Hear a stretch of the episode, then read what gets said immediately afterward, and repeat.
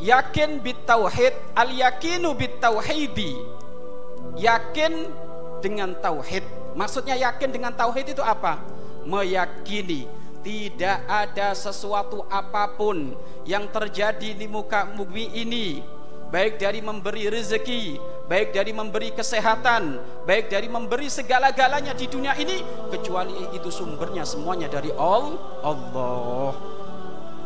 Dan dia tidak mau ber, ber, bersandarkan kepada sesuatu selain Allah. Tapi dia bersandar kepada Allah. Jadi yakin semua apa pun yang terjadi di muka bumi ini mau sehat mau sakit mau banyak duit ataukah tidak banyak duit mau sukses ataukah tidak sukses semuanya itu sumbernya dari Allah Subhanahu wa taala. Dan dia tidak mengandalkan selain Allah akan tapi dia mengandalkan Allah Subhanahu wa taala. Ini yakin bitauhid jadi semuanya muaranya kepada Allah, semuanya muaranya kepada Allah, semuanya muaranya kepada Allah, kepada Allah Subhanahu wa taala.